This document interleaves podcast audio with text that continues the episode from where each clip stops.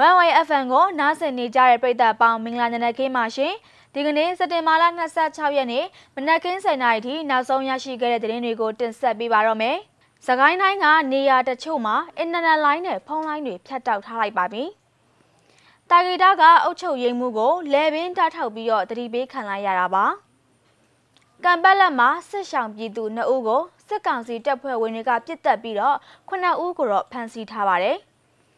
မန္တလေးကရွှေဝါရောင်တော်လန်ရေး၁၄နှစ်ပြည့်အထိမ်းအမှတ်အနေနဲ့ဆန္ဒထုတ်ဖော်နေကြတဲ့မြင်ကွင်းတွေကိုလည်းတင်ဆက်ပြီးတော့မှာပါရှင်။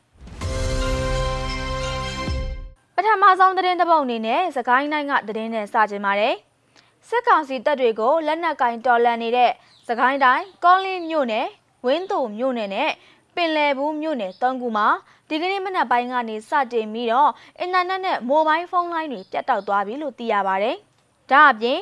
ကောလင်းနဲ့ဝင်းတုံမြို့နယ်တွေမှာလည်းအင်တာနက်လိုင်းနဲ့ဖုန်းလိုင်းတွေပြတ်တောက်သွားခဲ့တာပါလက်ရှိမှာတော့စစ်ကောင်စီတပ်တွေကပင်လယ်ဘူးကောလင်းနဲ့ဝင်းတုံမြို့နယ်တွေမှာပြည်သူ့ကာကွယ်ရေးတပ်တွေရဲ့တိုက်ခိုက်မှုကြောင့်အထိနာနေပြီးတော့တိတ်ဆုံးမှုလည်းများပြားနေတယ်လို့သိရပါတယ်အကြမ်းဖက်စစ်ကောင်စီဟာစကိုင်းတိုင်းတွင်းမှာရှိတဲ့ကနီရင်းမာပင်အရာတော်ပလဲရေဦးတန့်စီဘူးတလင်ကောလင်း ဝန်းတော်ပင်လယ်ဘူးစားတဲ့စုစုပေါင်း10မြို့နယ်မကွေးတိုင်းမှာရှိတဲ့ဂံကောမြိုင်ထီလင်းတောင်တွင်းကြီးစုစုပေါင်း၄မြို့နယ်မန္တလေးတိုင်းတွင်းမှာရှိတဲ့မြင်းချံမိုးကုတ်မြို့နယ်စုစုပေါင်း2မြို့နယ်နဲ့ကချင်ပြည်နယ်အတွင်းမှာရှိတဲ့ဖားကန်မြို့နယ်ချင်းပြည်နယ်အတွင်းမှာရှိတဲ့ထန်တလန်ဖလန်တီတိန်တွန်းစံမတူပီကံပတ်လက်မင်းတက်ပလဝါ စုစုပေါင်း10မြို့နယ်တို့မှာတနိုင်ငံလုံးအတိုင်းအတာနဲ့မြို့နယ်25ခုမှာအင်တာနက်လိုင်းနဲ့ဖုန်းလိုင်းတွေကိုဖြတ်တောက်ထားခဲ့တာပါ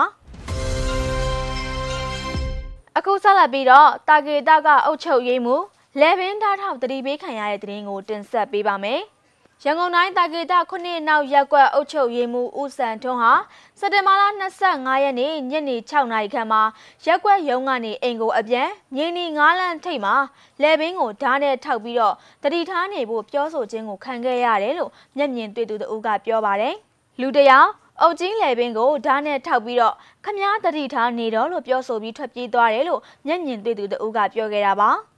အဲ့ဒီနောက်မှာတော့အုတ်ကြီးဦးစန်းထွေတည်ဆုံးတယ်လို့သတင်းတွေထွက်ပေါ်လာခဲ့ပေမဲ့အနီးနားနေထိုင်သူတွေကမတည်ဆုံးသေးဘူးလို့အတည်ပြုထားပါတယ်။ဦးစန်းထွေးဟာစစ်ကောင်စီတပ်နဲ့တွာလာလှုပ်ရှားမှုတွေပြုလုပ်နေတဲ့သူတစ်ယောက်ဖြစ်ပြီးတော့သတင်းပေးသလန်လို့လည်းနာမည်ကြီးနေသူတဦးပါ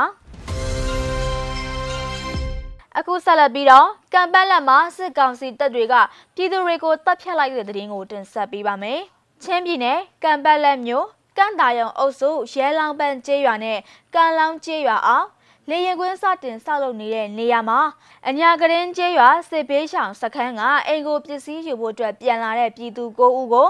မနေ့ကစက်တင်ဘာလ25ရက်နေ့မှာအကြမ်းဖက်စစ်ကောင်စီတပ်ဖွဲ့ဝင်တွေကဖမ်းဆီးလိုက်ပြီးတော့နှစ်ဦးကိုတော့ပြစ်တက်လိုက်တယ်လို့ CDF ကံပတ်လက်ကသတင်းထုတ်ပြန်ထားပါတယ်။အဖမ်းခံရသူတွေတဲကနှစ်ဦးကိုတော့ပြစ်တက်လိုက်ကြတယ်။ ခုနှစ်ဦးကိုတော့ဖမ်းဆီးထားပြီးတော့အဖမ်းခံရသူတွေထဲမှာနှုတ်ဆိုးအရွယ်ကလေးနဲ့မိခင်ဖြစ်သူလည်းပါပါတယ်လို့ဒေသခံတွေရဲ့ပြောကြားချက်အရသိရပါတယ်ရှင်။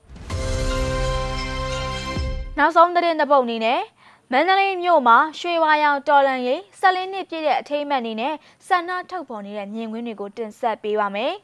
။မန္တလေးမြို့မြို့လေကောင်မှာ မနေ့ကစက်တင်ဘာ25ရက်နေ့မှာကြာရောက်တဲ့ရွှေဝါရောင်တော်လန်ရေး14နှစ်ပြည့်အထိမ်းအမှတ်အဖြစ်နဲ့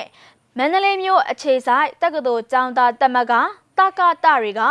တိုက်ပွဲဝင်တမကခွတ်တောင်းအောင်လန်တော်ကိုအမြင့်မားဆုံးလင့်ထူကြလို့ဆိုတဲ့ကြွေးကြော်တန်တွေနဲ့ရွှေဝါရောင်စိတ်တက်ကိုဆွဲကင်ပြီးတော့အဆုံးသက်တိုက်ပွဲဝင်ကြဖို့လှုံ့ဆော်ဆန္ဒထုတ်ဖော်ခဲ့ကြတာပါစ